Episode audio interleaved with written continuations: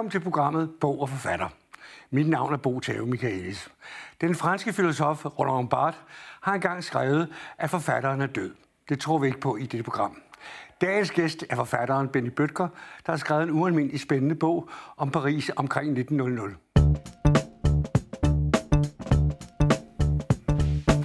Velkommen, Benny. Velkommen til vores program her, hvor vi skal tale om din underfundige bog. Den hedder Occidentens Stjerne. Og jeg har det sådan med, at det gælder både spændingsforfattere og krimiforfattere, at de får lov til selv at tælle, give et lille øh, referat eller resume. Så hvad handler egentlig den bog om? Ja, det er et godt spørgsmål. den handler om en øh, engelsk antikvar, der hedder Austin, som øh, skal til Paris for at øh, hente livet af sin afdøde kollega Morris med hjem. Og det er der sådan set ikke noget mystisk i. Altså Morris er en øh, levemand, der har spist og drukket for meget og ikke været specielt interesseret i at lytte til lægerne. Så da han falder død om i Paris under en forretningsrejse, så er det, hvad der sker. Bortset fra, at livet ikke bliver sendt tilbage til England til begravelse. Og uh, Austin uh, engagerer sig i det og uh, kommunikerer med myndigheder osv. Der sker ingenting. Så til sidst, og det er der historien starter, rejser han til Paris for selv at sætte skub i sagerne. Altså, hvad skal der til? Skal jeg ned og bestikke nogen? Altså, er det er problemet? Det Jamen altså, en død kan ikke selv betale for sin hjemtransport, så hvad skal vi gøre? Og så starter mystikken sådan set med det samme, fordi han ankommer til Paris øh, den dag, hvor øh, Madame Kowalski bliver begravet, som altså er en stor leder af en, øh, af en verdensomspændende okult sekt, der hedder Order of Ishtar. Øhm, og det er sådan den ene ting, der er sådan lidt mystisk. Hele byen vrimler med folk, der er esoteriske, spirituelt, okult interesserede. Den anden ting, det er, at allerede fra starten af er der noget galt. Han tjekker ind på det hotel, hvor Morris har boet, og hvor han altid har boet, og hvor han har boet overvis, og de har aldrig hørt om ham. Der findes ingen person ved det navn. Og han kommer ind på værelset, som han ved, at det er her, han har boet, og det er her, han har boet alle årene. Og der er også der er noget med, at der er en, på værelset er der en nedgang til kloakkerne og de parisiske katakomber. Der er jo 300 km minegang ned under Paris, sådan et komplet skyggeby under byen.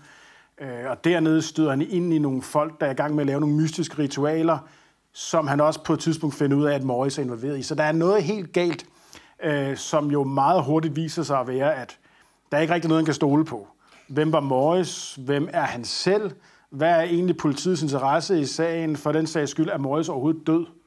Øh, og hvad er det egentlig med de her mystiske kultister? Hvad er det, de er ude på? Der er noget med en professor, der har været i Tibet og taget nogle mystiske mumier med hjem, og der er nogle folk, der er i gang med at fremdyrke en, et kunstigt menneske, en homunculus, og oh. der er ret der er mange ting i spil, ikke? der er mange ting på spil her, ikke? Og det er jo også fordi, at nu har jeg kaldt den spændingsroman, men det er jo sådan lidt i mangler bedre, ikke? Fordi jeg kunne også have kaldt den en okult, historisk ja. følgetonroman eller noget andet, men det passer ikke rigtig ind på nogen hylder. Nej. Så nu hedder det en spændingsroman, men altså, der er noget krimi i den, der er noget gys i den, der er mange forskellige ting på spil. Ikke? Det er jo enestående i danske sammenhæng. Det er jo en genre, de dyrker meget i England og Frankrig. Øh, og det, men det jeg først tænkte på, det var ham Jacques Dardis øh, tegninger øh, fra øh, Fang de Siècle 1900, ikke? Ja, øh, øh, det er der ikke nogen tvivl om. Altså, at øh, i i Danmark er det en særfugl. Øh, fordi at øh, netop den der, den sære, mystiske, som ikke rigtig er en gyser, for det er ikke en gyserhistorie, men der er jo masser af mystiske gyserting i den, øh, uden at det så igen, det er heller ikke nogen ren krimi, for der, hvis man synes, at det er en krimi, så vil man nok blive skuffet over, at det, hvorfor er der pludselig overnaturlige ting på spil osv. Ja. Og det findes der i stor grad i England og USA, og ikke så meget i Danmark. Øh, og det synes jeg er lidt synd, fordi ja. at, øh, jeg har det tit sådan, at som læser og som seer kan jeg godt lide den type historier, men du finder det kun, hvis du kigger på udenlandske forfattere, eller hvis du kigger på tv-serier, fordi folk vil jo gerne se den slags på tv, men som, som litterært fænomen er der meget lidt af det i Danmark. Altså i Danmark kan man sige, at øh, nogle litterære genre trives jo, altså hvis det er en krimi. Efterhånden lidt mere og mere fantasy kan også godt gå an. Science fiction, hvis du er nede i nogle meget små cirkler, ikke? Øhm, men længere ud kommer vi ikke. Altså mere øh, avanceret eller anderledes genre trives ikke rigtigt, eller findes ikke rigtigt. Øhm, selvom vi jo faktisk godt kunne finde ud af at se dem. Folk vil jo gerne, kan jo godt finde ud af at se den slags, hvis det kommer på tv som en serie. Ja, en Indiana Jones-film. Ja, jamen, pr- jamen, præcis, som har meget af det ja, ja. samme. Ikke? Den, der, ja. den der historiske spændingshistorie, hvor der også er noget metafysisk ja. i, som pludselig går ind og rokker ved fundamentet under det hele. Ikke? ja, ja. Øhm, men hvorfor tror du, det er en så øh, illeset genre i Danmark? Altså, det, det er rigtigt. Jeg ser, man læser den jo også, øh, som et, jeg vil ikke sige som et filmmanuskript, men man ser jo op, enten i de gamle sort-hvide stumfilmbilleder, ikke? Øh, Fantomas-serien fra samtidig, du foregår der, ikke? Eller så ser man som Indiana Jones eller serier. Øh. Hvorfor tror du, litterært, at den genre er, øh, om ikke illeset, så overset? Jeg tror mere overset. Men altså for det første, så synes jeg, at der er ikke nogen tvivl om, at genre som noget, vi accepterer i Danmark, er en meget ny ting. Altså, du har selv været med i det her game så lang ja. tid, så at da du, som jeg husker det, skrev din magisterkonference, ja. eller hvad det nu var, i 76, ja. var det nærmest nok første gang, at et menneske, der kunne tænke, beskæftigede sig seriøst med krimier, uden at det var som et fritids- eller hobby, så lidt, det er bare noget at gøre for sjov i mit sommerhus. Ja. Her var der en, der tog det alvorligt. Øh, og det betyder ikke, at tingene ændrede sig med det samme, men det betyder, at det er inden for de sidste 30 år. Der er lidt mindre, at krimien er blevet noget, vi godt kan tillade os at læse og beskæftige os med, uden at undskylde det. Ja. Øh, så man kan sige, at vi er meget langt bagud i det hele taget. Øh, nu, nu nævnte jeg selv fantasy, og det er jo så øh, endnu kortere ja, tid det... siden, at der er nogen, der overhovedet ja. vil beskæftige sig med det. Så, så det er et meget det er et meget stort krav at stille, at man skal rumme så mange forskellige genrer, når vi først lige er begyndt at acceptere, at der findes genre. Ja. Hvor man kan sige, at den engelsksprogede verden har man en meget stærkere tradition. Altså, Øh, noget af det, som har inspireret mig meget, det er jo også nogle af de der 1890'er forfattere. Mange af de forfattere, som øh, skrev samtidig med Conan Doyle, der opfandt Sherlock Holmes der i 1887. Øhm, mange af dem, der skrev samtidig med ham, øh, arbejdede jo også med ikke bare de her rationelle detektiver, men the supernatural sleuth, altså den overnaturlige detektiv, der undersøger øh, spirituelle, okulte, mystiske sager, samtidig med, at man er detektiv. Og det har der været en meget stærk tradition for i den engelsksprogede verden. Og noget af det, som er skægt lige nu, det er jo, at de her historier er ved at komme frem igen i Danmark. Altså, vi har haft sådan en genopdagelse af for eksempel sådan en forfatter som øh, Astrid Ehrenkron, Ehrenkron Kide, ja. som skrev sådan nogle øh, symbolistiske øh, historier, som er sådan, har noget krimi-detektiv over sig, har noget gys over sig, men de er ikke rene krimier, de er ikke rene gyser, det er sådan sjælehistorier, sjælemysterier. Ja, ja, det er sådan, nærmest sådan spøgelseshistorier ja. med realisme, eller ja, hvad ja. sådan, så kunne man kalde det. Der er også, vi har også endelig fået øje op, eller andre fået øje op, for H.P. Lovecraft, ikke? Ja, og Arthur ja. Machen, ja. og de der keltiske, eller mere almindelige Lovecraft-amerikanere. Ikke? Men der var jo sådan en hel øh, kreds der omkring, vi kan også nævne Stevenson, ja. altså Dr. Jekyll og Mr. Hyde, det er jo, ja. og han skrev også øh, Djævlen i flasken og sådan nogle der, så det, det er jo, men jeg tror, øh, det er måske fordi, vi virkelig har været meget tysk orienteret. Ja, for i ja. Tyskland har genren haft det endnu dårligere. Der blev det kaldt for masselæsning og kiosklitteratur. Ikke? Ja, vi har, haft, vi, har haft, vi har haft meget travlt med at se ned på det. Ikke? Og det er også derfor, at netop nu nævner du Lovecraft, som i øvrigt også spørger et sted undervejs i historien. Ja. Og Lovecraft er jo sådan en, som har været fuldstændig ikke eksisterende uden for den engelsksprogede verden, indtil for meget nyligt. Det er jo ikke længere siden, at det sidste år, der kom den samlede oversættelse af Lovecraft ja. på dansk, som var en meget stor oversætter- og udgiverpræstation.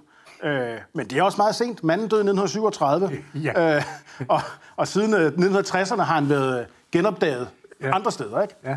Øh, men det kommer nu. Øh, ja. Der er helt klart sådan en, der er sådan en anden strømning med en ja. interesse for de her 100 år, 120 år gamle, mere symbolistiske øh, historier, der ikke rigtig øh, som alle sammen ligesom handler om, du ved, øh, fundamenterne ved vores øh, verdensforståelse, der går i opløsning, og hvad er det ene og hvad er det andet, ikke? som kommer nu af en eller anden grund.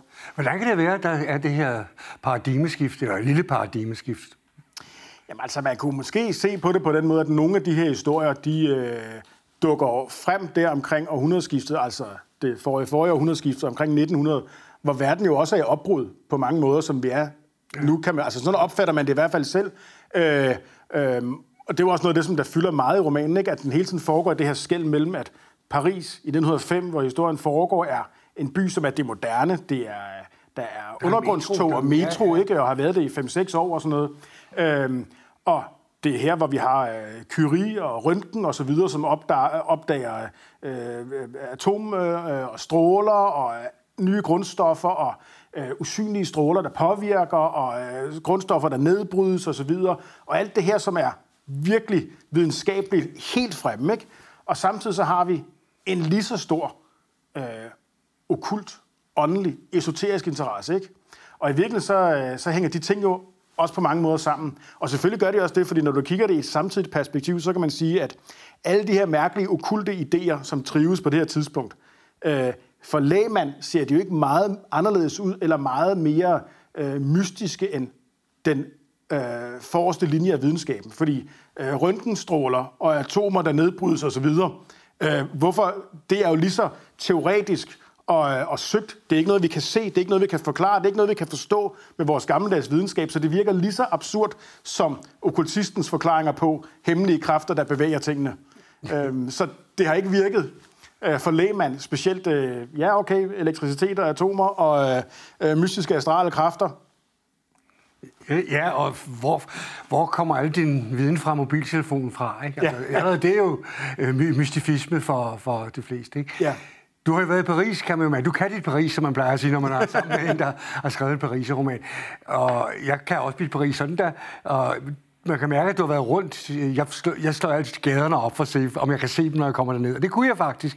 Uh, men det er jo ikke den gængse Paris-roman, hvor Paris er romantikkens by og øh, impressionisterne. Det er jo altså, ja. det er lort, det er lort i, det er lortets Paris, så at sige. Det er ikke, det er ikke kærlighedens og romantikkens Nej. Paris. Nej, men altså for det første, så vil jeg sige, at øh, altså, jeg har gjort to ting. Det ene, det var, at jeg skrev det meste af romanen i Paris, så jeg kunne gå rundt og kigge ja. stederne efter.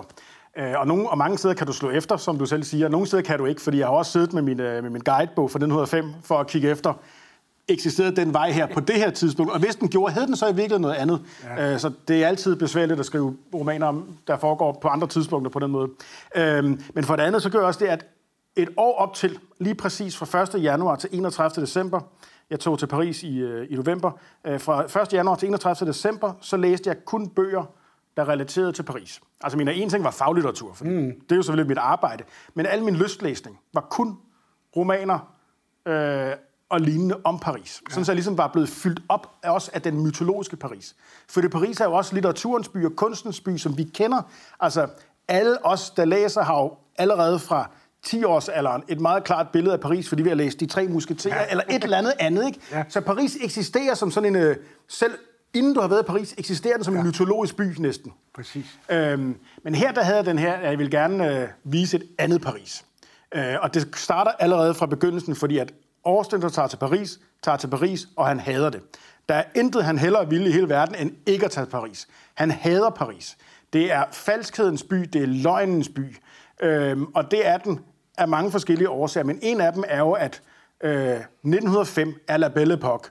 Det her, det er, hvad vi forbinder med Paris og den fantastiske æra med de impressionistiske malere og øh, kankangdanserinder på... Øh, øh, og alt, hvad vi forbinder med det lyse, smukke, fantastiske Paris. Det er jo den her periode.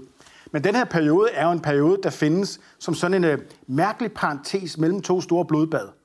Vi har Pariserkommunen 1871, endnu en af en lang række revolutioner og borgerkrig i Frankrig, hvor øh, der er ekstremt store blodbad. 1871, ikke? 1914, så har vi så Første Verdenskrig, hvor en generation bliver sendt i døden. Det er en meget lille periode midt imellem her, hvor alting blomstrer op.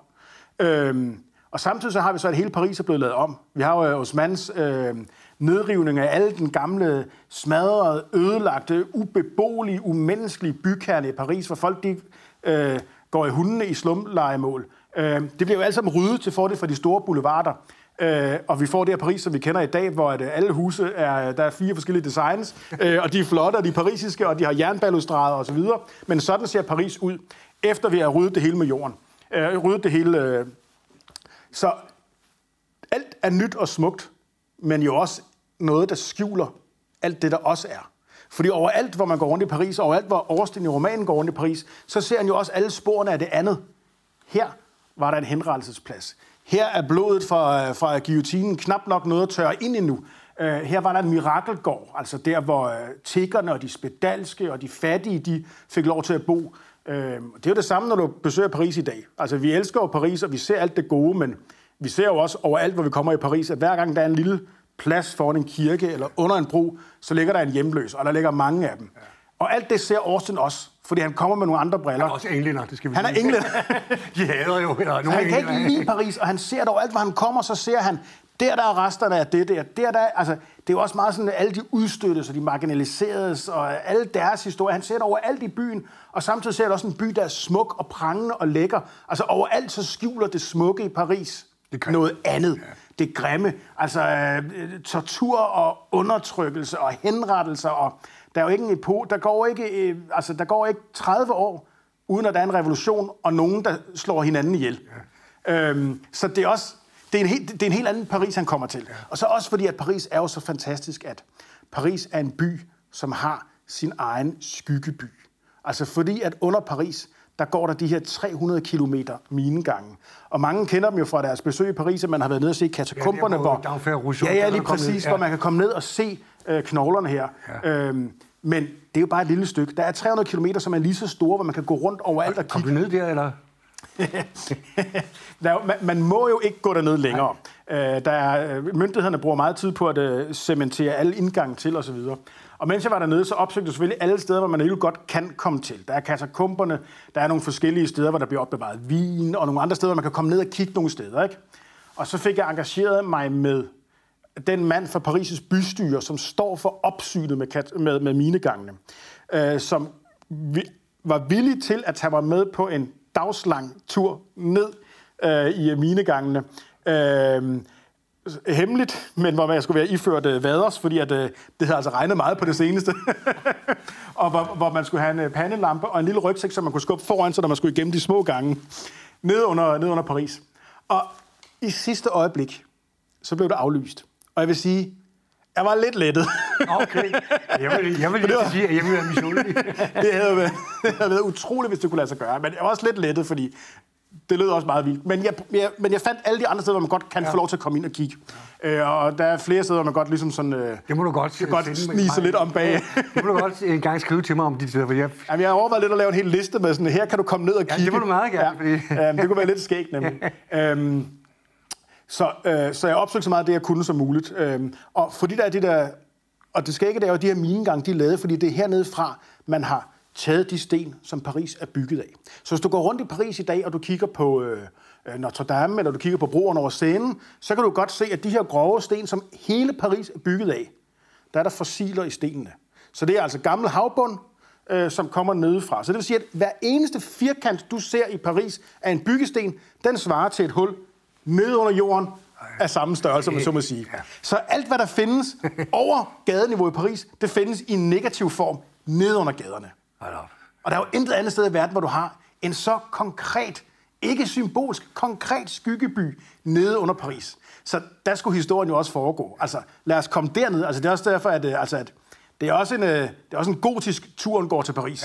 Ja. Kom ned og se det andet Paris. Men det synes jeg, du skildrer øh, meget fint og meget øh, stærkt. Øh, du siger, det er ikke en rigtig krimi, men, og vi kan slet ikke nærme os, hvorfor det er det alligevel. For det er det jo, fordi øh, englænderne har jo en, en fortid, som du afslører undervejs, og som jo også kommer til, at det er ikke kun fordi, han er englænder og dermed antifransk, at han ikke kan lide Paris. Nej, altså man kan sige, uden at afsløre for meget, så altså, det er jo selvfølgelig rigtigt, at der er jo meget krimi i den, fordi vi følger jo en mand, der er i gang med at skal opdage, hvad skete der med Morris? Er Morris egentlig død, og øh, øh, hvorfor er det, at øh, der er nogle mærkelige tegninger på livet, og øh, hvem er det egentlig, han observerer derovre, og så videre. Øh, og han kommer også med til nogle øh, møder i de her inderkredse blandt Order of Istar til nogle spiritistiske seancer, hvor øh, en kvinde går i trance og udpeger ham, øh, og så videre. Ikke? øhm, så der er meget sådan krimi-opklang i det, og det er også det, man læser historien efter. Øh, men altså uden at sige for meget, kan man jo godt sige, at Moy, eller Austin, hovedpersonen, har jo en fortid i de her kredse. Han er opdraget i de her kredse, øh, og er jo på nogle måder, hvis ikke man har læst romanen, kan man måske lige øh, ti, lade være med at lytte efter et øjeblik, men han er jo på nogle måder inspireret af en virkelig person, øh, som blev opdraget af det teosofiske selskab til at være den nye verdensfrelser. Ja. Men blev vraget. Fordi så fandt de en anden, der var bedre. så en ting er, at der er den store verdensfrelser, som blev opdraget, og som, øh, som fik mange tilhængere ind til han brød med hele selskabet. Øh, men der findes også den anden dreng, som blev opdraget til at være det, men som så alligevel forresten ikke var den rigtige verdensfrelser, men så kunne gå tilbage i skole igen og nu bare være den almindelige dreng. og Morris har en fortid i den her verden, Ja. som han med meget besvær, men en vis succes har fået fortrængt og skubbet ud af hans liv, eller ud af sit liv. Øh, Og det han finder ud af, da han kommer til Paris, det er jo, at måske er det meget muligt, at han er færdig med den verden. Men den verden er ikke færdig med ham. Og måske er der også en stor plan.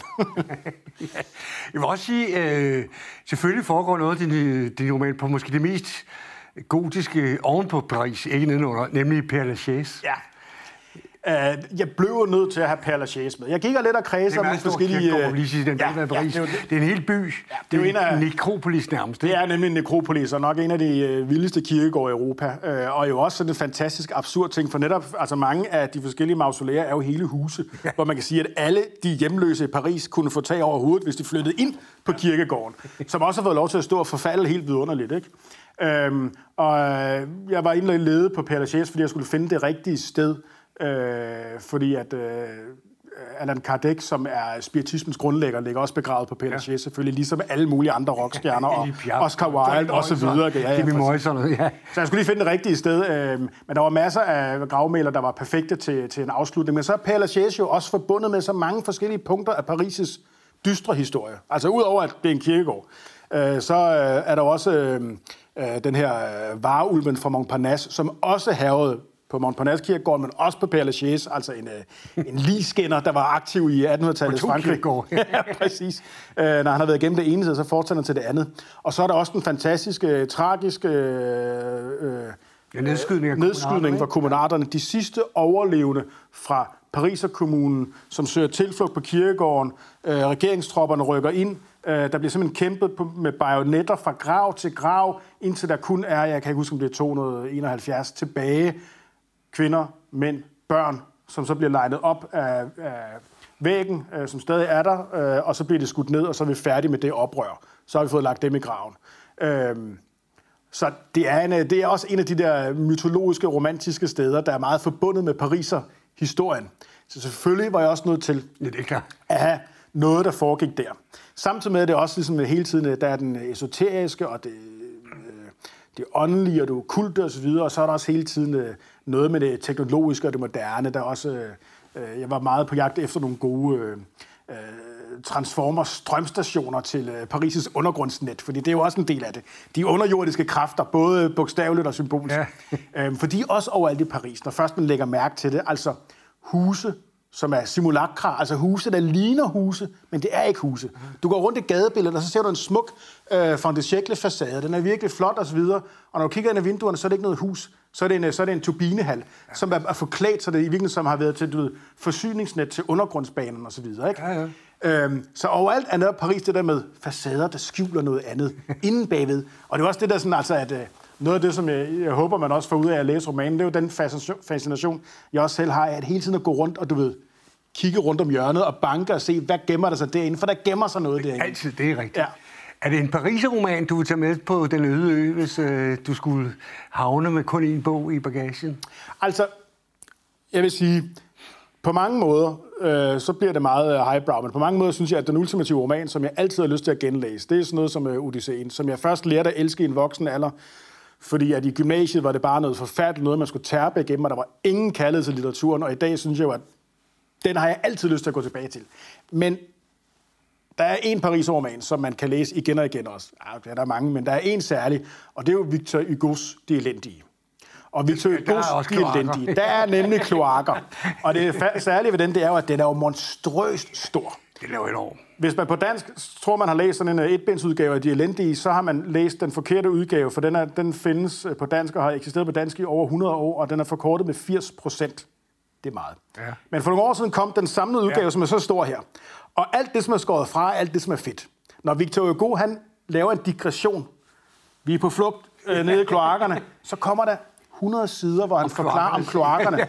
Og det er ikke fiktionaliseret, der er ikke noget historie, det er bare, nu skal jeg høre, de blev anlagt der og der, der skete det og det. Og det er fantastisk. Jamen, det, man sidder og lapper det i sig. Ja. Men han gennemgår også i slaget ved Waterloo. Jamen lige præcis. og, og det, er skåret ud, fordi ja. det, det, det, kunne ikke interessere almindelige men det, men det er noget, noget af det fedeste. Det er det fordi, fedeste. Altså, fordi han er den der fantastiske alvidende 1800-talsfortæller, der bare kommer og hører. Og så forsinker det på en god måde plot. Ja, ikke? Ja. Altså, man, man, man tager, det, det tager den tid, det tager ja. at gå igennem Paris, ja. eller en god historie. Og det er også det, som en god historie kan, ikke? Fordi at hvis du synes, at den her historie den er god nok, og der er nok drama på, ja.